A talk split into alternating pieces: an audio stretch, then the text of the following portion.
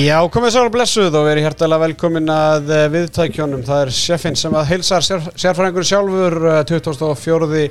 oktober eh, með mér dag þrýegið Teodor Ingi Pálmarsson og Styrmi Sigursson. Verið hjertalega velkomnir eh, báðir tveir. Takk, takk, takk. Að þið fyrir Hvað segið þið, hvernig hafið það? Bara frábærir. Já, mjög góðu bara Alla vaktina tegnar í dag, Já, svo það er smá þreita, en ekkert sem að koffín lagar ekki. Bóti fjúelið. Bóti fjólið. Það er ekki koffilust eða? Jú, það er þetta koffilust. Já.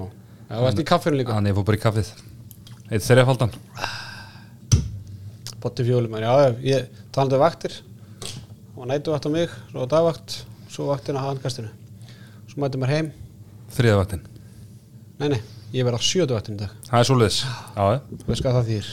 Ég veit að nákvæmlega hvað það þýr. Já, ég Þekki það. láti mig þekkja það. Dominos og Coca-Cola, ég er ekki frá því að það verður bara Dominos í kvöld. Það er bara, það er búið að mikið að gera og uh, þá er fínt að fara bara, Það er líka þriðadagur. það er, sko, er þriðudagur, það er hver að vera síðastur að fara í Óstóberinn og, og hérna, síðan er ekki verið að fá sér eina skítkalda, Já. Coca-Cola, eina rauða.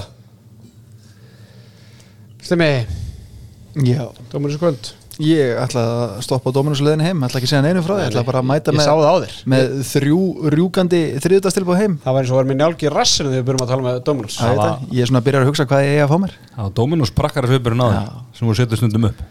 Svo var það vennilega kók og ein kók síra fyrir mig og krakkana Herðu, bílamiðstöðin, Krókalsi 7, bræðarnir í bílamiðstöðinni, þeir eru ennþá springa til hlátri, paldur, þeir eru búin að springa til hlátri í allan vetur. Er það Já, svo? þrátt fyrir. Þetta var erfið helgi Já, nú, hérna. Mjög erfið helgi, það sem ég ætla að segja er að eh, þeir eru bara strax farin að hugsa um Evrópu. Þeir Já, bara, fókus. Fókusun á Európa nú. Það er bara, þeir vilja bara fá titilin byggarinn heim. Já. Þannig að strákarnir í bílamiðstöðin eru spenntið fyrir 32 lúslutum í Evrópu byggarnum. með að við að liðið sem að er búin að fara í úrslit síðustu tvö ár datt út fyrir íslensku lið þá er það bara alls ekkert óraun eftir markmið. Nei. Meir um það síðar. Meira það síðar ræðum það í lok þáttar. Ólís vinnur á vellinum, vinnur við veginn. Ólís, vinnur handkassins. Vinnahópur Ólís, hann hefur aldrei verið sterkari heldur en í dag. Nei, ég fór í morgun og fylgdi bílinn. Djúvilega gott að fara inn og fá sér heitan bolla meðan það var bara Og- verið að dæla. Hva, Hvað fegstu þau líka í, í sjópunni?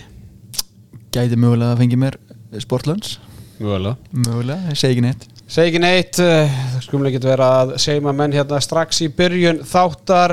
Uh, Tix.is er að sjálfsög með okkur og við minnum auðvitað á Christmas Show og Geir Ólafs. Það er uh, einhvað sem enginn ætti að láta framhjá sér fara. Endilega bjóða konunni með og hver veit nema hún laumi ykkur til, í pakkan tilbaka þegar heim er komið.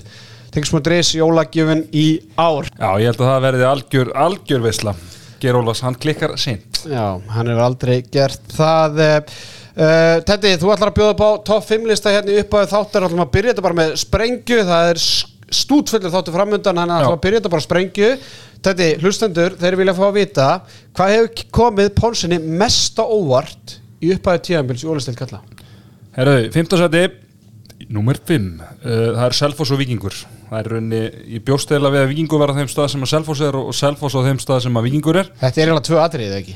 Nei, þetta er eiginlega, ég var í smá vesinni með Ok. að velja á milli, þannig ákvað að tróða það saman.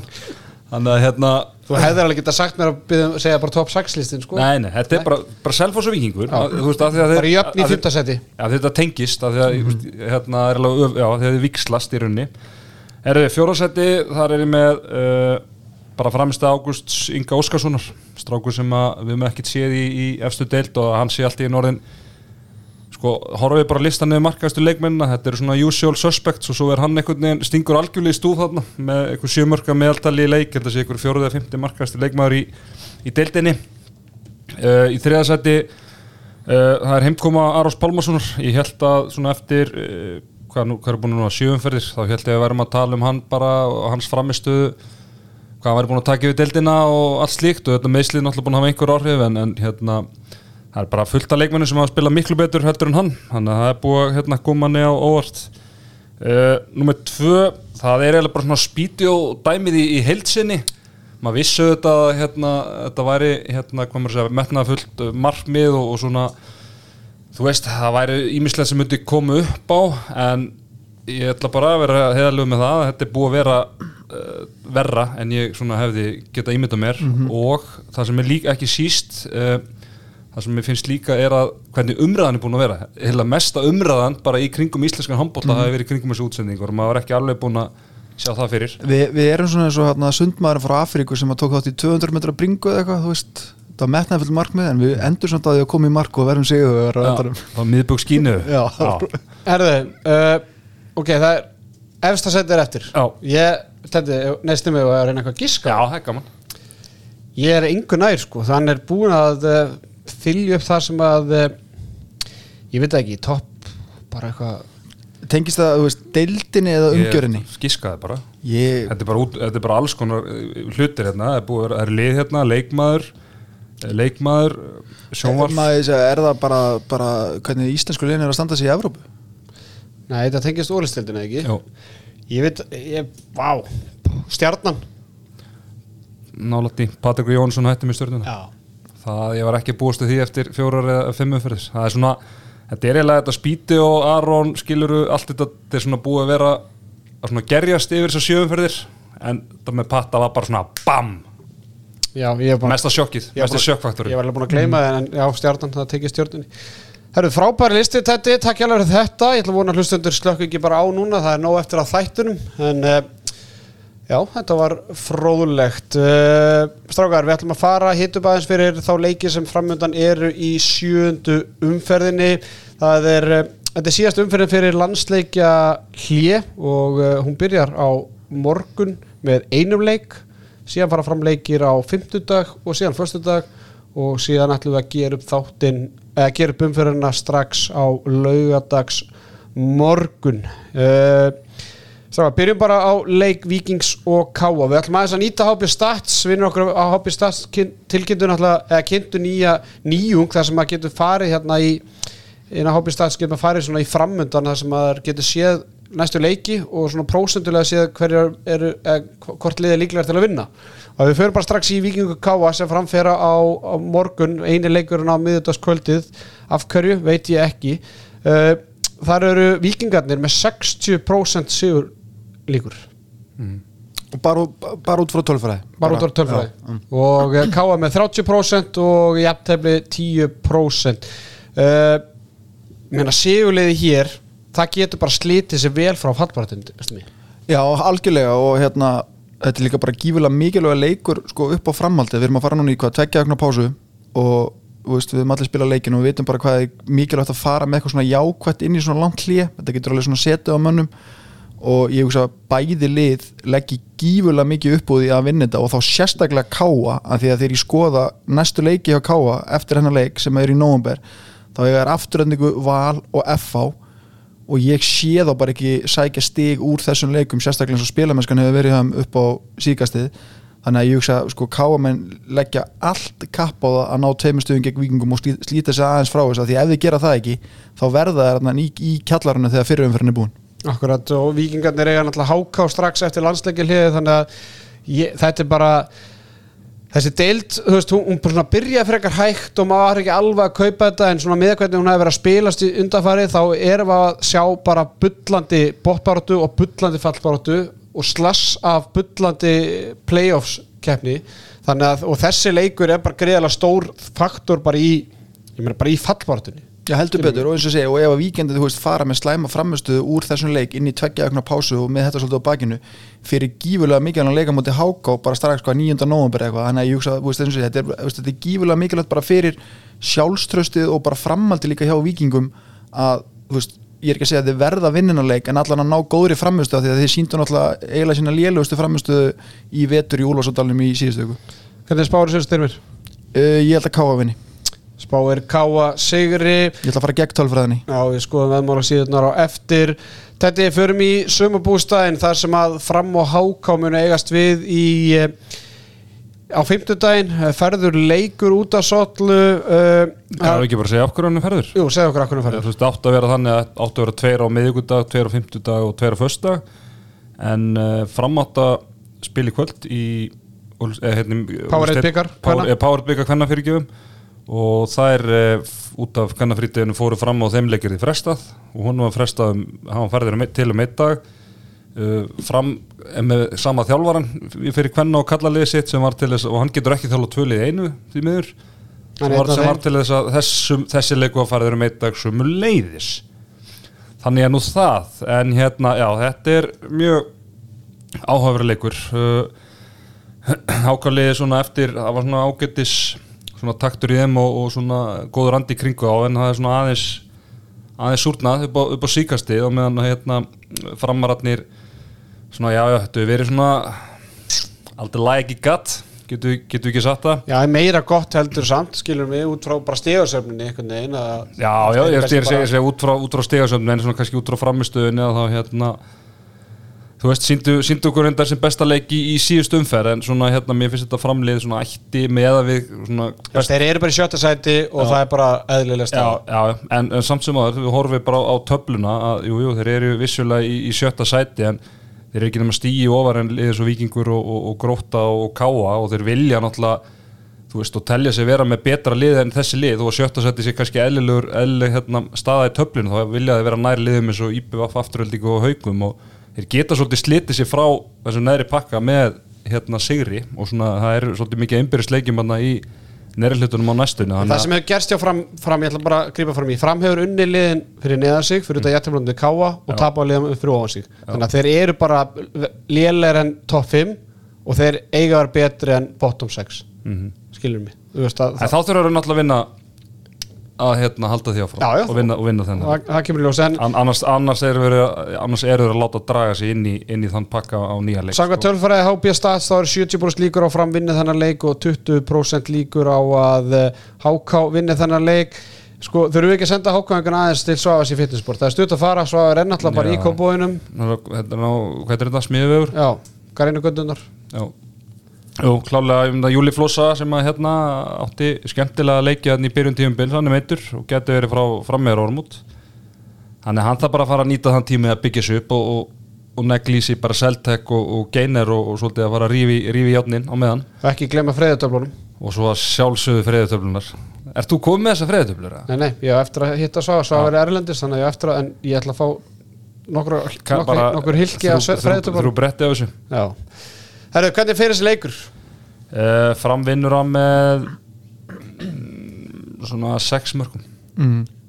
þannig að þú ert bara þú ert svona farin að svona trúin á hákaliðin einhvern veginn eftir í upphæði tíðanbils hún er bara einhvern veginn farin bara frá bræðurum í handkastinu Já, mér finnst þetta bara búið að vera hérna, skrítið upp á síkastið og bara, og bara slagt og við vorum í hérna, krafturöðun í, í síðasta þætti og settu set, ekki tólta setið þar? Þannig að það segir bara, segir, segir það. bara ímislegt það. er eitthvað sem segir með það að strákundir í háka fari til Svavas fyrir hann leik sækir sér fyrir þauðtöflunar mætu svo viðtölu til leik og hendur fyrir þauðtöflunar og beint í andlitaður Já, það er bara verðið bara hérna, verðið ykkur að góðu. Heldur betur, uh, förum strax í stórleikin sem verður í beinni að í símanum, sjónvar símans sími pay, að sjálfsögum með handkastunum frá fyrsta degi styrmir. Hvað er að frétta af uh, léttgórsleiknum Herðu, bara hrikalega gott, nú stýttist í mánaðamót og eins og kannski glöggir hlustundu mun eftir þá skellti ég mig til New York í byrju mánaðar. Eittif svolítið mikið þar en ég fer ágjörlega sinni í þessi mánaðamóta því að ég ætla bara að dreifi þessu einhvern veginn borga eitthvað smá núna, eitthvað smá í DS ég ræði þessu, ég svo bara heyri í óla mínum. Þetta var allt í góðu. Allt í góðu, bara ræði þetta við Óla sinn ekki spurning og svo um tala ekki um líka, sko, vildapuntunir eru búin að vera mikið umræðinu núna með alþingismennin og svona. Það er ríkala, það er svo gott að einu svona ára geta farið í eitthvað svona góða ferð fyrir vildapunta og þú ræður hvað, hvað þú safna mikið að vildapuntum í mánuði. Já, bara endilega, bara tengja þetta við allt sem hægt er að tengja já, þetta við. Herðu, Valur Haukar, uh, Valsarar sem voru með fullt úr stiga fyrir síðust umferð, töpuðu í frestuleik á sunnundag gegn IBF í eigum nokkuð sannfærandi, voru að elda nánast alltaf leikin og uh, réðu bara ekkit við eigamennina, þeir voru að leika við hvert sinn fingur, Kári Kristján var eh, frábæra á línunni hjá eigamönnum Uh, Portugalin í uh, hægri skiptuna hann er allur að koma til og, og hérna á meðan á sama tíma þú veist Björgur Páll uh, Gustafsson, hann vann hólukefnina í, í síðust umferð? Nei, Nei, ég og Tetti rættum þetta saman á þess að tala við þig og við ætlum að fella svo hól og gilda því að við bara standardin fyrir þessa gólkefni Nei, þú ákast það, ég er ekki sammála. Ég er, Ekki? ég er yfir með þessu hól Nei, ég meina hann varði bara fleiri skot Hann vinnur Menna, hvað er Erum við ekki að horfa á prósentuna samt eða? Nei, fjöld Eru- bolta. Fjölda bólta? Já, ég er gamlega skólin Æ, ég meina, þú veist, Danni verður bara hérna að díla við það. Þú veist, ef þú verður fjóra bolta þá bara ert að bjóða upp á að Já, bjóða ég heimildi held að það væri bara í klassísku púntakefnina sem að menn væri bara búin að bara gjössa þetta ekki, já, já, allt í læg Nei, nei, nei, nei. Ég, það verður ekkert svona. Þetta verður bara að vera hérna skýrt. Það er hérna Danni vann þetta. Þér fannst Heit Pettersson pælíkstimmi en gekk ekki upp. Upp. Nei, já, ég, mér fannst í fyrsta skipti bara síðan, ég ætla- ég skal viðkjanna ég hef ekkert séð mikið á hann síðustu fjögur, fimm árin honum Pettersson, en mér fannst í fyrsta skipti svona faði tími örlítið svona að vera farin að sjást á löpunum á honum, það svona var í bastli og menn voru farin að fara aðeins auðveldara framhjá honum heldur en maður á að svona venjast í gegnum tíðina, þannig að úrgangsi skildengjan undra er hann ekki honum 43 ára maðurinn eða eitthvað, þannig að, þú veist ég myndi ekki að fara framhjá honum. Hlustendur hafa verið að fylgjast mikið með hólukefni milli Daniel, nei, milli Daniel Freys og, og Björgvins Páls Gustafssonar hér í handgastunum og, og staðan er hver? Fjögur þrjú Fjögur þrjú fyrir Björgvini. fyrir Björgvinni en margir hafa veltið fyrir sér hvort að við séum ekki að gleyma Arunni Rafni og, og, og margir vilja meina að tveir bestu markmenn deildarna sé var mætast í þessu leik. Arafn Eðvarsson og Björgvin Pál Gustafsson Sumir hafa spyrjað mig, er ekki Arafn að vera besti markmann í deildinni yngar til? sko, ef, ef við förum í gögnum frá Hobbystat þá eru þeir allir bara, það, það munar sko, hálfu, einu og hálfu prósent á milli efst og neðsta mann, þannig ég myndi segja að það verið tveir af þremur bestu markmannunum Daniel Freyr er klálega með inn í þessari púlju en sko með komu Maxims til hauka þá hefur sko, ef við tökum bara síðustu fimm leiki eða fimmum fyrir þá er Aron Rapp bestur af þeim.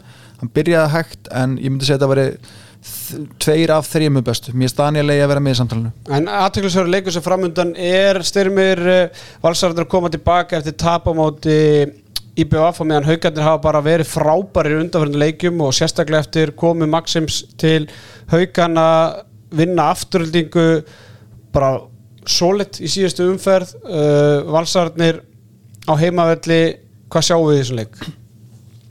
sko ég held að haugarnir hefði alveg viljað að valsararnir hefði bara klárað í eigum sko, ég held þessi ekkit gott að fá sært dýr menna að valsarar eigi marga lélega leiki röð, eða allan við höfum ekki átt að venjast í síðustu þrjú, fjúur árin. Nefndu lok síðast tíðanbils já, hann að ég svona ég hallast að valsir í þessum leik og þetta verður þvíleikur baráttuleikur og ég bara er svo fegin að þessi leikur sé í opinni dagskrá fyrir hérna, áskrændu Símans þú veist, og að bara, þú veist, Bara fyrir alla, já, já, já, ég er að segja það, mér finnst þetta bara einhvern veginn vera mér finnst þetta að vera tvö heitustu liðin í deildin í dag ef við þú veist, hefum talað saman á laugardaginn. Og þetta er náttúrulega að tapa mot IBF en samt, þú veist, valsar eru bara á þeim stað að hérna, og F-fáingarnir svona eru svona, jú, mér finnst þetta að vera tvö heitustu lið deildar en að mætast og ég bara get ekki betur að sjá þetta.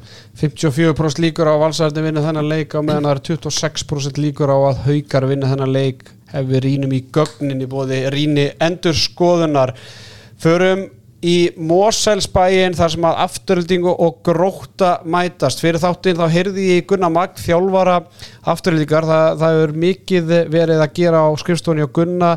Afturölding náðu ótrúlum sigri síðasta lögadag gegn Oskarlinu Nerbó og eru komin í 32. úrslit Evropabikarsins og eh, ég spurði Gunna aðeins út í þann leik og, og auðvitað leikinn sem framönd. Gunni, þú getur sagt okkur aðeins frá bara þessu leika á laugadaginn í Evropakefninni, bara framistaðan uh, og bara hvernig þetta fór allt saman, komur þetta óvart? Uh, Nei, kannski ekki. Við hérna, fundum það alveg hérna, eftir fyrirleikin, þar sem við töpuðum með, með fimm mörgum að okkur fannst eiga tölvört inni og, og þar svona var varamarkmann þeirra sem stál senunni og, og varði mikið svona döðaförum sérstaklega sísta korteri sem að kannski gerði aðeins munin. En við höfum alveg trú að við getum snúið þessu við en, en við vorum svolítið lengi í gang og lengi að rýsa á okkur og undir í hálfleik. Og svona raunur ekki fyrir þessi síðustu 12-13 mínuna sem við náðum svona þessu áhlöppi sem við vorum að býða eftir allan leikin og hérna,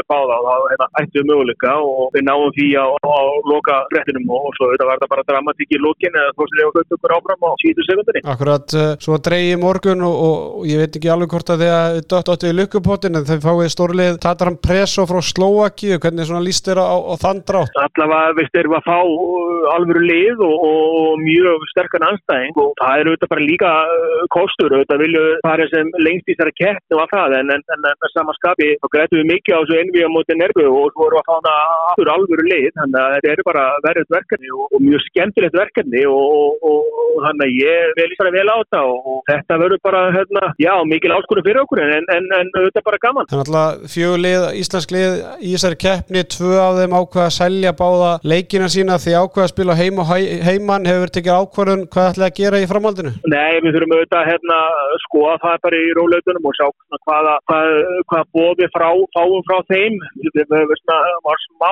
vonbreiði mætingina á heimalegin, þú maður kannski ekki slæm en við vorum alveg að vonast eftir 200-300 manns í viðbútt og það var svona smá hérna, svek, svekkjandi sko upp á, upp á þetta. En, en uh, við skoðum það, við alltaf vorum með margir að, að, að það er gengt um fyrstumfyrna og fá spila allavega he, heimaleg sem byrja með. En við þurfum að vikina, við þurfum að skoða það og þetta var pínu vonbreið að við skulum ekki fengið neyra árundur, ég hafði líka hjálpa okkur að bara líka upp á að, að fjármagna þetta. En auðvitað er gaman að fá að spila heima en, en við þurfum að skoða bara heldar, pakka í róleitunum. Akkurat, uh, það er leikur ekki að gróttu á, í vikunni sem er svona síðasta leikurinn fyrir landsleikja pásu, gróttan stiga lausur á útivölli en, en hafa gert vel á heimavelli hefur eitthvað skýring á, á þessu þegar þú ert að hérna, leik, skoða leik gróttu undanfarið, sérðu mikið mun á þeim heim og heimann?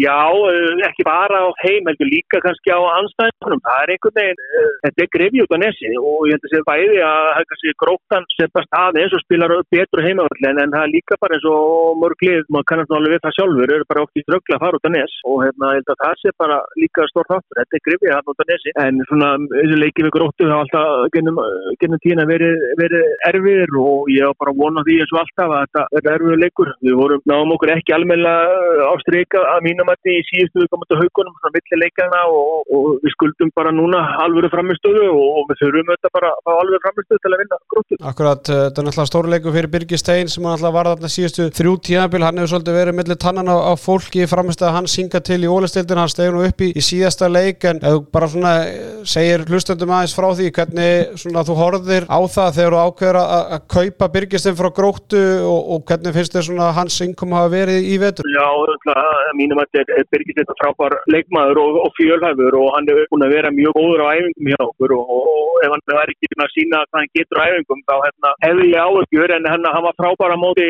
nerfi og lögatæn og sýtti það virkilega uh, sindi og hann svona bara hefur fyrir sinn tíma að, að sína hvað hann getur í ólistildin hann er ekki náða að sína sínu bestu legar og, og er kannski að performa 50% af því sem hann er að gera á æfingum ennþá og hérna en hann er kannski ekkert og horfur á þegar menn er að fara í ný lið og, og ný umhverfi og stundu þar bara smá aðlun og, og við þurfum bara, bara að vera smá þólum á, á, hann en, hann er búin að vera góður á æfingum og ég veit hvað hann getur og hefur miklu að trú á hann og þetta er bara svona tímastusmál hvernig hann springur almenna út og, og hann síndi samt sem aðeins virkilega góðan leik og hjálpa okkur að klára þetta leikin á lögutæn. Annars bara staðan og hopnu góð og, og hérna allir klárir fyrir leikir á móti gróttu? Já, staðan bara fín, Gunni Malm mittist þarna út í Norri og hérna smá, frá ykkur smá tíma en annars við erum með stórun og breiðan hóp og við erum aðri klárir á leikina á vindin Þakkum Gunnar Magg fyrir þetta símtal, tetti afturlíka menn, þeir eins og Gunni talar um, þeir tapa þarna á móti haugum, hann var ekki ánað með það en, en koma virkilega sterkir tilbaka og vinna hann að sexmarka sigur á móti normörunum síðasta lögut og ég meina, er þeir ekki að fara bara í nokkuð þægilegan sigur, gróta þeir á sínt þá í þessu tímafél, þeir get ekki neitt útvöldi Já, já, þú veist, með við hérna eins og segir, með hvernig hérna þau verið hjá gróttunni þá þá hérna er þeir ekki að fara að gera neitt í, í Mósusbennum og hérna bara svo við tala nú um það, þessi sigur í afturhaldingum bara gjössanlega magnar á þessu norska liði sem hefur farið tvissar í úsliti í þessari keppni á síðustu tveim árum og unnan í hitti fyrra. Og hérna, og í vikinn þalið þegar við vorum í upptökum hérna á lögadagina þá svona ákofið að klára bara upptökur hérna setnipartina þegar við höfum ekkit svona gríðarlega miklu trú afturhalding myndi klára þetta en en bara magnaður svona karakter sigur svona klára þetta í lokin og, og þóstill lega og sína okkur á á alþjóðsviðinu að hann er bara hann er bara verið að full mótaður sko.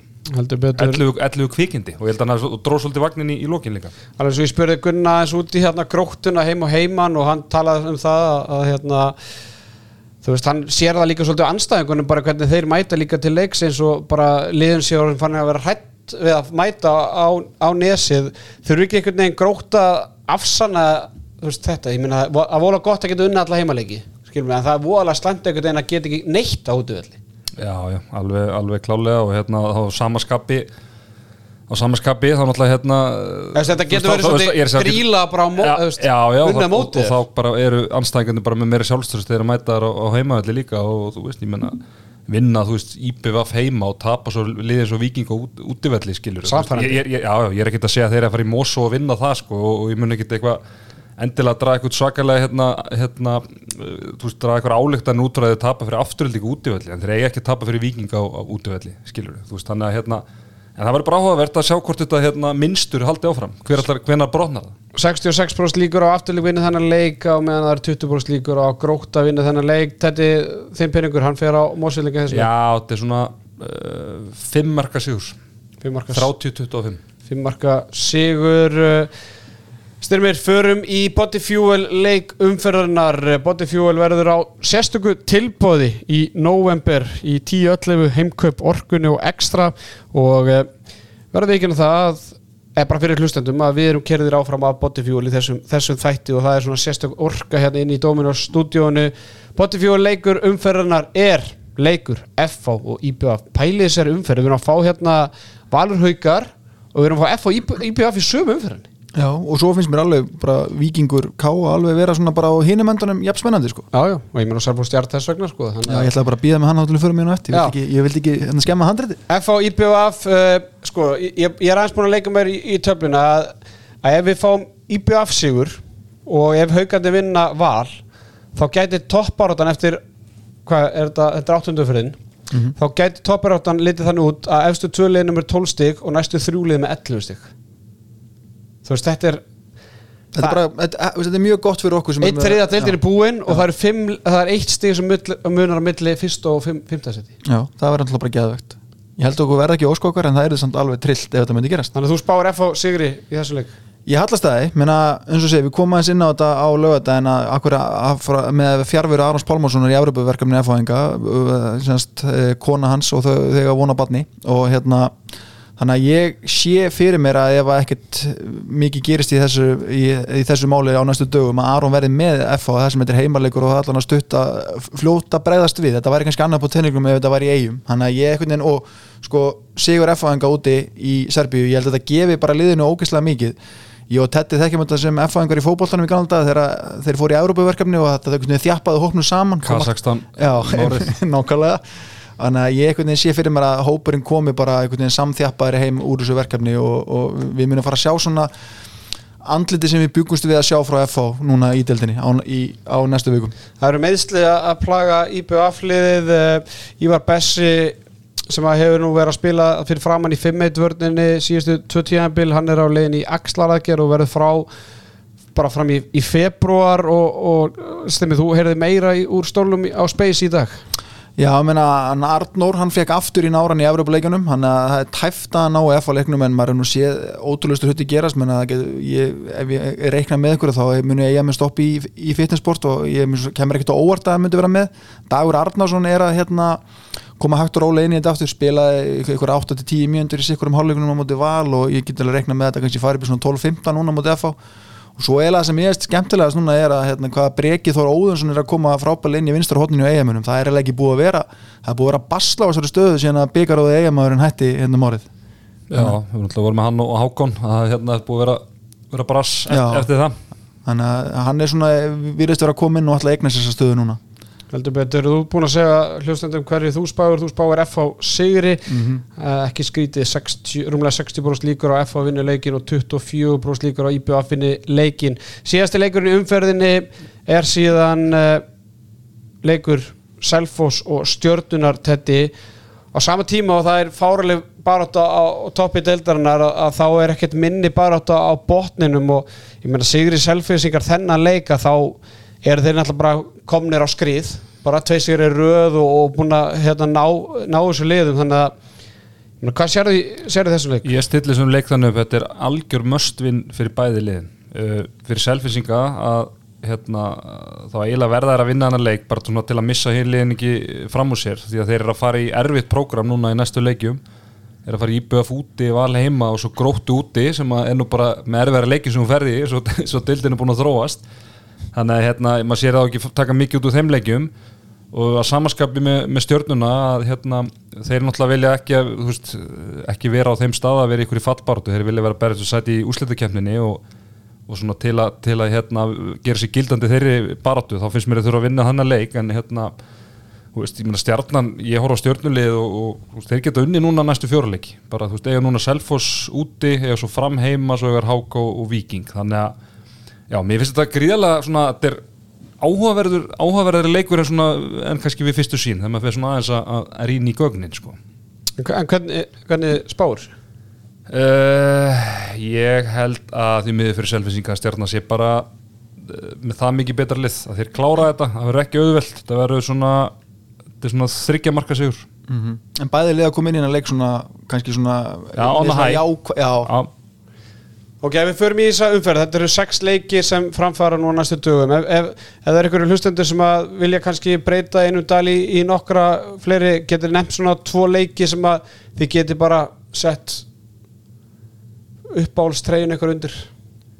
Framháka og afturrætting gróta getur þú bara, Já. getur þú lofað þig fram vinni háka já, Já, ég get lofa og særu og aftur líka mútið grótu það Já, Er, er það ekki svona, er það ekki að nálgast eh, er kannski 1,78 Nei, 1,44. 1,44 Við myndum þurfa að setja stjörnuna með sem er þá eru við fannir aðeins að, þú veist. Undur setja stjórnuna frekar en káa með þessu. Mm, ne, Já, ég held það. En þú veist, en að taka bara allt og bara tapa þessu pottið. Ég myndi bara fara á örgulegin og setja haugana setja haugamóti val. 2.90 Já, Já, ég, bara, ég held að sé eitthvað meðsli að plaga leikmenn vals og, og heldur það eða veistu þú veist að fara að tala í kringu það. Ég veist, ég veit ekki hvort þið verðið með alveg, Nei, og, en það er bara, já, þú veist Já, meina, Magnús Óli- fór út af já, já, þú veist og, Já, reyndar Aron Dagur átti örugglega sem besta leik sóknarlega bara já, sérstaklega í fyriráleik Já, já. og kabla í setni það sem að dróða heldur betur En hérna, ég ætla að beða hlustundur okkar bara um að gefa okkur kannski svona 24 tíma til að liggja eins yfir þessu, við komum með eitthvað og þið fylgjast með okkur á samfélagsmiðlum. Við, við, við ætlum aðeins að fara yfir greiningadeildina með þessu og við setjum okkur gott inn.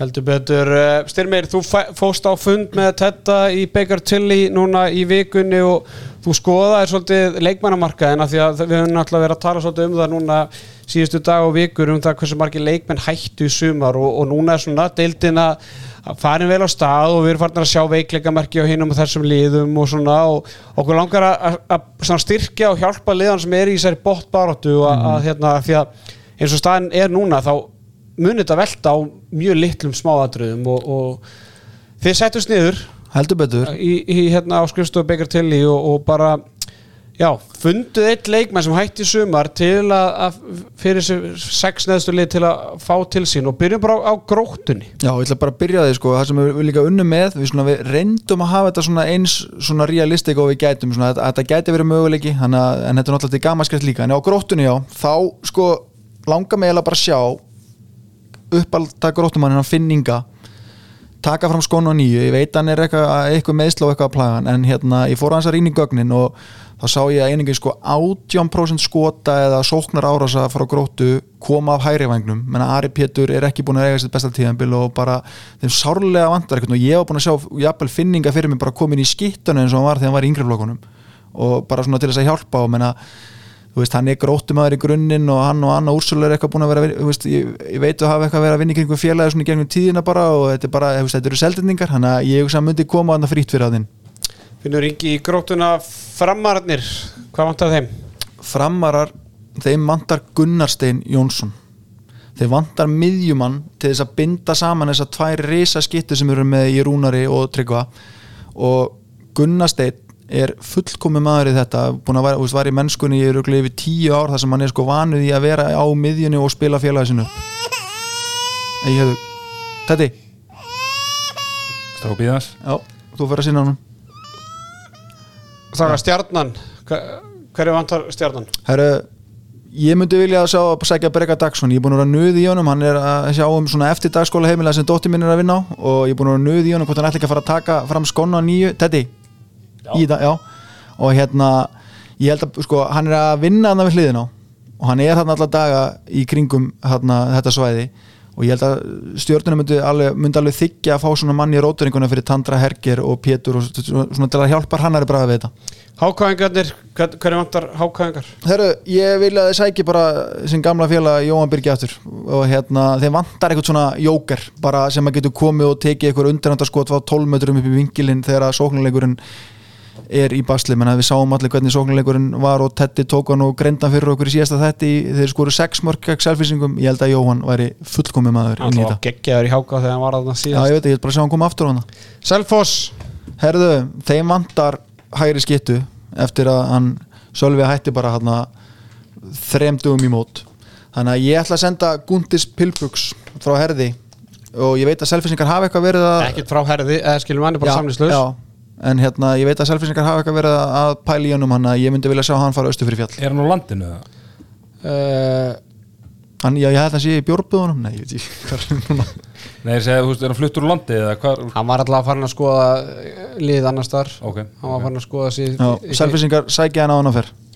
Og síðasta liði sem þarf að styrkja sig fyrir bárhund sem framöndan er í ólisteildinni eru vikingar Já, alltaf á þessum lista. Þá hérna, mér finnst það vanta smá meira svona stabilitet í markvæslinu á vikingum þeir eru búin að eiga reyndar einu sinni hérna, allt í sleikmann umferðarinnar þetta hefur komið í svona skorpum. Og hérna myndi ég vilja sjá uh, Stefán Huldar sem hefur búin að gera þetta áður með gróttunni. Og ég veit ekki að það ekki alveg stöðun á meðstöðunamánu núna en við, við gáum okkur það bara allir menn væri feskir. Þá myndi ég vilja sjá sækja Stefán Huldar sem hefur reynslu að að halda nýliðum upp í dildinni Akkurat, uh, takk fyrir þetta stimmið, þetta var í bóði Ríni Endurskoðanar og þetta ertu klárið eða? Já, BS, B Aja, ok. Sorry, sorry með þetta, Já, hvað segir? Ég? Uh, Við vorum að standa vaktina hérna strákarnir í, í þrýeginu Herðu, vindum okkur í Íslendingar Já, ma- maður er Erlendis sérna með hann lista hérna mér Já. svona, af því að uh, það er ykkur, eins og talar um hérna um daginn að það er ykkur 30 leikmenn búin að hætta. Mm að hérna eru fáir markmenn svona sem að var hægt að grípa í og, að og, og örfenda skittur. Já, en það er þetta Eftirsótt. já, eftirsótt. Það, Já. það, það, það er góður að, þeir eru í góður í samningsstöðu þessi leikmenn Já. í dag. Og ég myndi að halda að línumenn ættu alveg að geta verið í svipari ef það er einhver stikki að núti. Ætla búið að sækja allæði var og ég held bara Heimir Óli myndi ekki gefa kost á sér. Spurning með einaringa þegar hann kemur frá Boston. Boston eða Florida eða hvað hann er. Heldur betur, Eh, förum í Íslandingar Erlendis, það stýttist heldur betur í landsleikja verkefni fyrsta landsleikja verkefni Snorra Steins þar sem að færingandi koma hérna í heimsókn og þeir leikir verða sjálfsög í s- á sjónvarpi Símans eða í sjónvarpi Símans. Og við ætlum aðeins að kíkja á hvað landsleistrákundar hafa verið að gera um helgina. Uh, byrjum bara að ræna eitthvað löfin. Förum í til Þýskalands þar sem að ræna eitthvað löfininu Guðjón Val og félagi Gummesbakk með tveimur mörgum 28 26 þetta og Íslandingandi þeir riðu nú ekki feitum hest á, á, markalistunum í þessum leik? Nei, nei, hvorki Ímir Örn í Elli Snær komast á, á blaði í leiknum en, en Júri Knorr, hérna, þjóðurinn skemmtilegi sem að ungi efnilegi bara. bara búin að hérna, skemmt okkur í, í, á heimsmyndstarmótinu núna í janúar og hérna verður gaman að sjá hann í núna í, í, á heimavalli í janúar næstkomandi og hann hendi ekki nefn í tíu slumur fyrir ljónin frá Ræn en Nekkar Já, ágefni að Ellið Snær sé ekki að finna fjölina sína en vonandi að eh, hann verður bara flottu með í sóknarleik íslenska landsliðsins því að hann spilar sókn þar. Í mér örn er nú kannski meira í, í vörninni hjá Rænakar Löfven. Hann var Búrdorf og, og Leipzig gerði jættibli 25-25 og þar var Viggo Kristjánsson markaðastur sem aldrei fyrr með sjö mörg og liðsfélag hann Andri Már Rúnarsson skoraði tvö. Viggo búin að vera bara nokkuð stöðugur. Já, þessi ummæli mín hann í byrjun uh, sísons eldast ítla það sem ég hafa ágjör að stöða hans í liðinu. Já, það er nú bara eins og það er. Uh, Íslandingarliðið í Melsungen þeir töpu í toppslagnum gegn Fúse Berlín 37-31 á föstudags kvöldið uh, Elvar Örd Jónsson skoraði fimm mörg fyrir Melsungen og Arna Freyr 1 þetta, ég meina Elvar Örd hann er bara meðan markaðistu leikmann á Melsungen leik eftir leik eftir leik og, og ég meina sókna, sókna mínútur hans með íslenska landsleginu stjórn Guðmund og Guðmundsson var nú ekki miklar. Með að vita viðtal sem við tók við Snorra Stein í síðustu viku og hann ætla að keira og svona því með að það ég, ég ætla bara að gefa mér það að Elvar verði bara í sóknar hlutverki þegar hann er inn á í vördinni Já, ég meina þetta er bara gjöf fyrir Snorra Stein og fyrir þann bolta sem að hann vil spila hvernig Elvar er að spila því að hann getur klálega treystórum og við mun líka, líka hérna, sjá mínutna hjá Aroni hérna, þeim mun fara fækandi bara með hverju mótun núna þannig að Ég held að þetta gæti ekki komið á betri tíma fyrir, fyrir Snorra Stein og ég meina þú talar um Elvar Örn, ég meina hann hlýtur bara að vera eitt markaðasti leikmaður deildarinn, mér finnst hann alltaf vera með hérna, steady 5 plus stett í 5 til bara upp í 10 mörg, svona, oft sjá hann með svona 7-8 þannig að hann er bara, ég held að ég geti bara fullirt það, hann hefur aldrei spilað betur en að gera okkur þessa dagana. Magdeburg uh, unnu síðan á lokum 6 marka sigur á Stuttgart 31-25 og þar voru Íslendingarnir e, í fjöri Ómar Ingi Magnússon selfisingur með 5 mörg og Janus Staði 2 Magdeburg er í öðru seti deildarinnar með 7 stig 3 stigum og eftir toppliðin í Fússe Berlín. Vindum okkur til Fraklands þar sem að eh, við eigum uh, tvo landslismenn þar uh, Donni leikmaður Pák var uh, í eldlínunni þegar Pák vann Næms 32-31 uh, Donni með fjögum mörg og uh, liðsfélag hans í Pák sitta í sjönda sæti deildar með 8 steg eftir sjö leiki, fjóra síguleiki og, og þrjú töp. Uh, Stemmi, þínu menn í Nantes þeir eru unni stórsigur á Camberi Chambray Já, 39-25 Viktor Gísli á með 5 varin skot uh, úr hvaða 11 þannig að þetta er svona tæplega 50% markvært Já, ég ætla að gefa mig það að ekki starta hann að leik. Nei, Þannig að hérna, en bara já, verður bara virkilega gaman. Ég myndi var að hafa samband við hann sem vann leikin hjá, við erum, við erum ekki ennþá búin að meðla okkur mót Þannig að hann er alveg að fara að, fá- að, fara að fá það treyna er að drífa okkur, það, að uh, veita þessar uh, þessar gjafir sem við erum að gefa uh, Viktor Gísli og félagar er í fjórastætti deildar með 11 stig, 3 stigum og eftir topplegum PSG og Montpellier.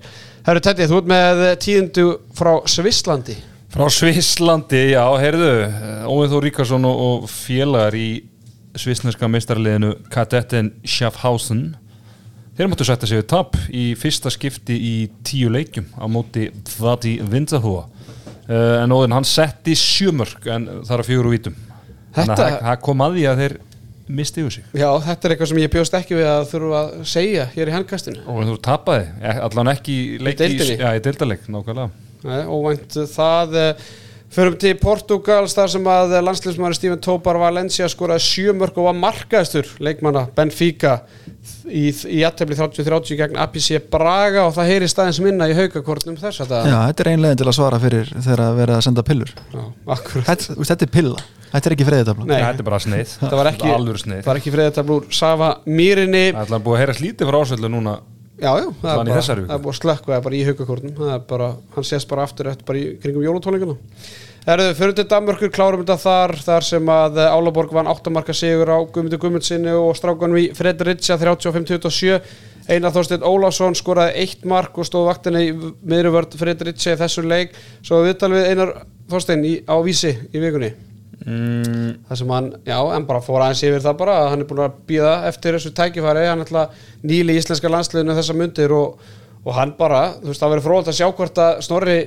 sjáu tækifæri, ég meina þetta er náttúrulega 21 leikmaður sem Snorri steinnar að velja og maður svona velti í fyrir sig hvort að allir þessi leikmenni muni fá mínútur í þessum tveimur leikum, mjög veist það ólíklegt. Já, það er ólíklegt sko. En það verður fróðalt að sjá þú svona hvort að Ég held, ég held að þú veist, hann, þeir náttúrulega ná okkur um æfingum fyrir hérna leikina, hann mun náttúrulega nýta þær svolítið líka til að sjá og, og ákveða hverjir eiga skilið þá að fá, fá tækifæri í þessum leikjum, en, en ef hann náttúrulega, ef það á eitthvað svona mark að taka á þessum leikjum, þá verður mjög erfitt að tróða 21 leikmann í, í 120 mínútur. maður velt, mað velti bara fyrir sér hvort að sko eina þorstið sé undan þú veist, einum að hínu þristónum þú veist, Arnar Frey eh, kannski ekki í mig eða elli og upp á það þú veist, ef hann vill vera að keira mikið að þá vill hann ekki endilega vera með tvo þrista. Þannig að ef hann er kannski með elvar í þristu með einu línumann eða þá er kannski eina þorstið með hinum línumannum af því að ef hann ætlar að keira þá geta hann ekki alltaf verið í varnarskiptingu alveg svo með þegar maður með valsar hann snorri stedt þá var hann ekkert í varnarskiptingu þannig að Þannig að þetta er svona fróðulegt, ég menna þú veist og þá getur kannski sett eitthvað miðjumann í hotni og ef Stífan í bakverðunum, þannig að þetta er svona, Ég held veginn að fókusin í þessu verkefni verða svolítið á vörnunni hjá Snorra og hvernig hann ætlar að keira setniblíkjana Ég minni á okkur sóknarlega. Já ég held að fókusi verði bara hvernig, svona bara flæðið, þú veist bara, Já, já, og ég held að með eina þorsteina, ég held að sé svona að hala bara hann inn í þetta og hann að fór smjörþiðin og vennist þessu umhverju og svona sko, ég, það kemur óvart ef hann er að hugsa eitthvað stórt hlutverk fyrir hann og, og með þetta stórmóti í janúar í huga en, en maður veit aldrei með, með snorra, hann kemur inn með nýjar áslur, þannig að við sjáum það bara í þessum- leikjum hvað hann er að hugsa með hann.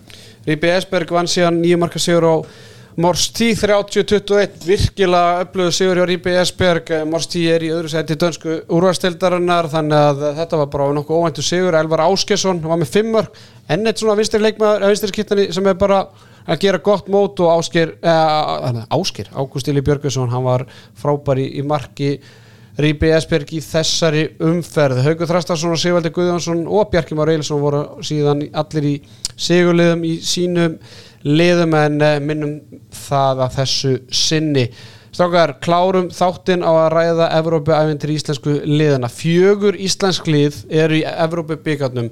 Uh, Dreigja var í 32. úslit í morgun og uh, fara, fram, uh, fara 32. úslitin fram dagana 2015 eða 2017. november og síðan annan og 3. desember. Eins og Gunni Magd tala nú um í, í viðtalna á hann að hann var svolítið svektu með mætingun í Mósusbæðin síðasta lögadag og og svona, mér fannst svona hljómaði þannig eins og það hefði ég vel bara áhrif á það hvort að afturleik myndi selja heimalegi sem mótið Tannar Perisov ég veit að þeir eru í hérna, munu nálga samræðinu hann að það sé bara góða möguleiki að, þessi tveir leiki færi fram á samanstað Já.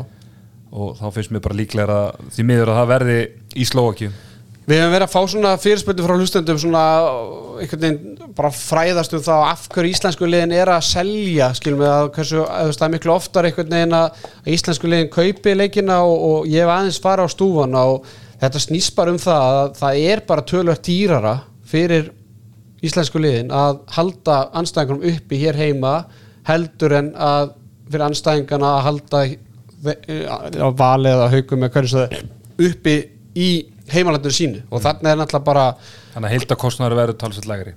Já, Skiptaðum þá 50-50 eða hvernig eða, þetta, er- þetta, er- þetta er náttúrulega einhver reikningsformúla en þetta snýst aðeins bara um það að þú veist að ef segjum að Valur fái eitthvað lið frá Pólandi til Íslands og það kostar kannski 8 miljonir en ef Valur fari til Póllands þá myndi það kosta pólverina kannski 4 miljonir mm. eða skilur það er bara hótelkostnar er miklu minni maturinn er minni og, og, og allt þetta þannig, og rútugjöld og svo þarf náttúrulega að halda dómarum líka uppi. Þannig að þetta er, þú veist það er bara einhvern veginn eins og bara verðbólgan á Íslandi hafi áhrif. Já, bara verðlag bara er almennt mjög hátt á Íslandi og sérstaklega í, í þessum hérna hótelgeira og öllu þessu sko þannig að já, það er bara eins og maður grunnaði að einhver, var ástæðan fyrir þessu. Akkurat, uh, Stimmi, þú fórst á stúfana í dag og, og skoðar hans þess að mótherja og við fyrir bara í, í fyrstu viðregnina þar sem að valsarði mæta já, ég ætla bara að segja, stórliði Hási Mótor frá Úkrænu, þetta er náttúrulega bara lið sem hefur verið með faststætt í, í meistardeldinni undarfarin ár voru í Evrópadeldinni í fyrra og, og, og leku í annari bundesleiku í fyrra vegna strísins í Úkrænu og, og hérna Er alltaf smá Íslands tengi, Gindras hérna, fyrir leikmar afturhildingar og þjálfaði liði í, í fyrra og, og Rólandi Ratse var e- að, hans aðstofum aður en, hvað er að spila, spila þetta hásið móturlið í dag? Erðu vegna ástandsins í, ástandsins í heimalandinu þá hafa verið að spila heimaleik, eða Evrópuleikina í hérna, Slovakíu Já. þannig að valsmennir eru sennilega leiðinni þanga í einn eða tvo leiki En- ég, hugsa þér hefðalega geta verið hefnar með drátt. Þetta, veist, og íslensku liðin bara í heldsinni hefðalega geta verið örlítið hefnar með drátt en þetta, verður, þetta, þetta er ekkit þetta er ekki auðvöldverkefni En hvernig staðan á svo liðið, þú veist, bara þegar þeir voru í mistardildinu þá voru þeir með hérna spáir, voru með Króata og, Já. og Malasáska satna og voru bara með hérna frá Litáan Þetta lið núna í dag er tvölört veikara. Er þetta ekki eiginlega bara úkrænum jú, eftir? og þeir eru að spila í ukrainsku deildinu þeir eru að vinna alla leikinu þar með rúmlega 20 mörgum uh, ég sá það með mitt að, að þeir unnu eitthvað liði frá Ukraínu núna í deildinu með eitthvað 17 mörgum og það lið tapaði síðan í Evrópubyggarnu núna í síðustu umferð með eitthvað 15 mörgum þannig að það er þið getið náttúrulega bara ímyndað eitthvað það styrkleikan á ukrainsku deildinu leikmenn sem er að spila þar eru kannski með hugana eitthvað allt öðru skiljanlega Já, þannig að bara, bara kvattir í herin þess vegna skilurum ég er að segja það þannig að veist, þetta er náttúrulega ekki sama stórli og, og hefur að taka þátt undanfæran ári í meistardildinu og Európa-dildinu en það verður ótrúlega einhvern veginn fróðulegt að sjá bara hvað er þetta liðið statt. Af því að ef Valur hefði verið að spila móti þessu liði fyrir 2-3 árum þá hefði þeir átt breyk eða skilur það hefði bara verið að mæta bara heimsklassa liðið en í dag þú veist, ég held að þetta sé bara 50-50 eða fyrir að vera eftir kannski hvað er held að bara vera Já, gamla góða. Já, gamla góða, bara beint úr, úr hérna garðabænum. Þannig að eh, veist, bara einhvern veginn ég held, að, ég held að þetta sé bara einhvern óþægilegt verkefni að fara í. Ég held að þetta sé bara óþægilegt ég held að þetta sé erfitt, erfitt fyrir óskapjarna og þjórfateimi einhvern veginn að að fá klippur og það er erfitt að klippa lið sem er að vinna leiki með 20-30 mörgum er þetta að meta svona ég er að segja styrkleika styrkleikana að ég held að þetta verður bara óþægilegt verkefni og, og hérna verður fróld að sjá hvar þessi leiki verður að spila. Því að meina, hversu spennandi er það fyrir val að taka þátt í ykkur Evrópukeppni og spila tvo leiki ykkur úkrænsku liði Slovaki þú veist það verður það 15 manns í stúkunni þannig að ég ætla, ég ætla bara að hvetja hérna valsarana til að gera allt sem þið geta bara til að kaupa þess að báða leiki. Já, já, annars verður þetta svona æfingarleikja bragur yfir Nei, bara ekkert lítið. Já, ég meina þeir eh, hérna, hvað gerðu frábælega í, í kringum í fyrra og, og kom út í, í plus úr, úr því öllu saman. Komt út í plus. Komdu út í plus. Þannig að hérna, já, ég er bara, ég tek undir þetta með þér. Ég er bara hvet valsmenn allavega að spila heimaleikin hérna heima og bara helst báða. Akkurat, uh, Það er, það er bólholtið eða Bokkholt frá Belgíu. Uh, Ég held að þetta sé svona ja, held ekki, það er bara klártmála þetta er langþægilegsti anstæðingurinn sem að sérst íslensku liðin fengu bæði svona hvað var að styrkleika og bara ferðalægð, bara þægilegt hérna að þyrkja tíma flug til, til Belgíu. Uh, þeir leika í samælir deildakefni þetta lið, Belgíu og Holland sem heitir Benelík og, og setur þær í öðru sæti með 12 sinnum voru belgísku meistari í handbólta síðast eh, 2019 og hérna hefur unnið þessa beni deild fimm sinnum síðast 2020 og leik til úslita 2022 og þannig að já já, náttúrulega belgískur handbólti ekki, ekki hátt skrifaðar en, en hollenskur handbólti verið í, í sókninsverð þannig að Það er þetta er svona, þetta er svona sínd við en ekki gefin ég, setja held þetta að, ég held að FH-gættur eigi að, að fara þægilega í gegnum þessa umferð. Eigamendir þeir fengu krem frá Austuríki krem voruðu Austuríkis Austuríkis eh, Meistarar.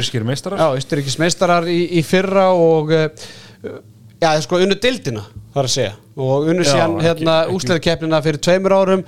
Þeir hafa verið í basli, ég heyrði í mínu manni í Austuríki í dag og þeir eru í basli, eru með held ég þrjá, sigur og þrjú töp og sitja í sjönda seti dildarinnar uh, Stimmi, þú manst vel eftir þessu liði frá því í Európukeppnin í fyrra? Já, heldur betur, þeir voru kannski svona, þeir kannski þekkti fyrir svona leðindar uppákomu sem gerðist í fyrra þegar þeir voru að keppa múti serpnaskalinu Novi Sad.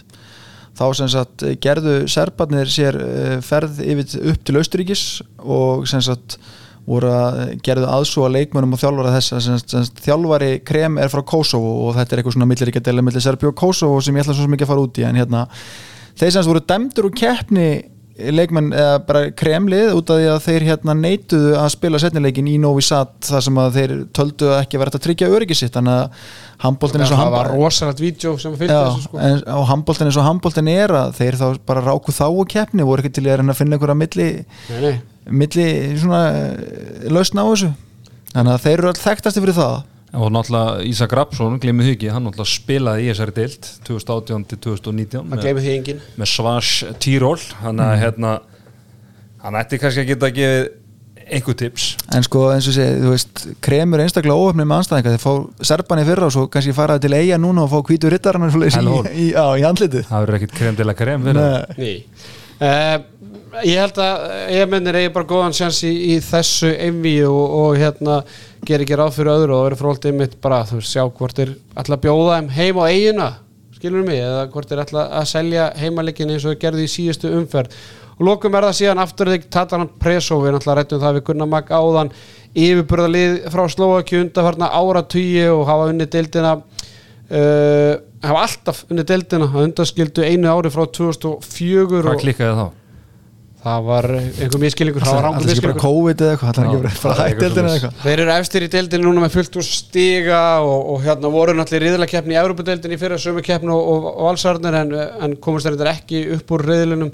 Voru með liðum eins og Montpellier og jafnvel Göppingin í, í riðli í, í fyrra uh, Tætti, þú mannst eftir þeim hvað frá öðru 2017 Já, það mættu þeir FH hérna, töp, FH vann fyrirleiki með þremmörkum og, og töpuðu svo setnileik með þrem sem er leiðis en duttu út á hérna, þessari gömlu úti marka, eða þú veist, mörka útivelli hérna, reglu sem er nú reynda búið að hérna, fellur gildi núna. Eh, það sem ég man eftir þessu liði var að þetta er náttúrulega þeim tíma sem FH liði er gríðarlega gríðarlega hérna, eru stráka græði þetta það sem að hérna F-fólið er gríðarlega stert hérna, það fara allir úslið 2017 og 2018 og ég, það sem ég man eftir þessu slókum þeir voru sko, rísastórir gæjar mjög svona hávaksnir og stóru og, og sterkir leikmenn og F-fóðingunar áttu alveg í brasi með að- hérna að mörguleiti en, en já, bara gríðilega öflutt lið og ég myndi segja afturhelding hafi að þeir séu opnastir með drátt af þessum íslenskum liðum sko. enda voru þeir í, í neðri styrkleika Já. þannig að það það er eðlilegt. eðlilegt að, að þeir hafi fengið kannski sterkasta sterkasta dráttin eh, strákar, ég held að við séum búin að segja allt sem við ætlum að segja í þessum þætti. Það er, tekur ekkert frí við það er bara vi- vaktin heldur áfram þegar að heim verður komið, ætlum að þurfi ekki að taka úr þvóttavelni, elda skipta barninu og svæfa það þannig að eh, það er, eh, þetta er stór dagur í lífi sérfræðingsins og, og auðvitað okkur allar. Við náttúrulega eins og hafið heyrt í gegnum þáttin erum með krakkana með okkur hérna í Dominos stúdíónu og stimmið þú ætlar að fara krakkana bara beint á Dominos ég ætlar að fara heim og skipta á stelpunni áður ég fer síðan á Dominos og allir ég þurfi ekki að panta líka og ég vil ákveða hvað konan vil fá á pizzuna. Maður það bara sjáum þetta allt saman.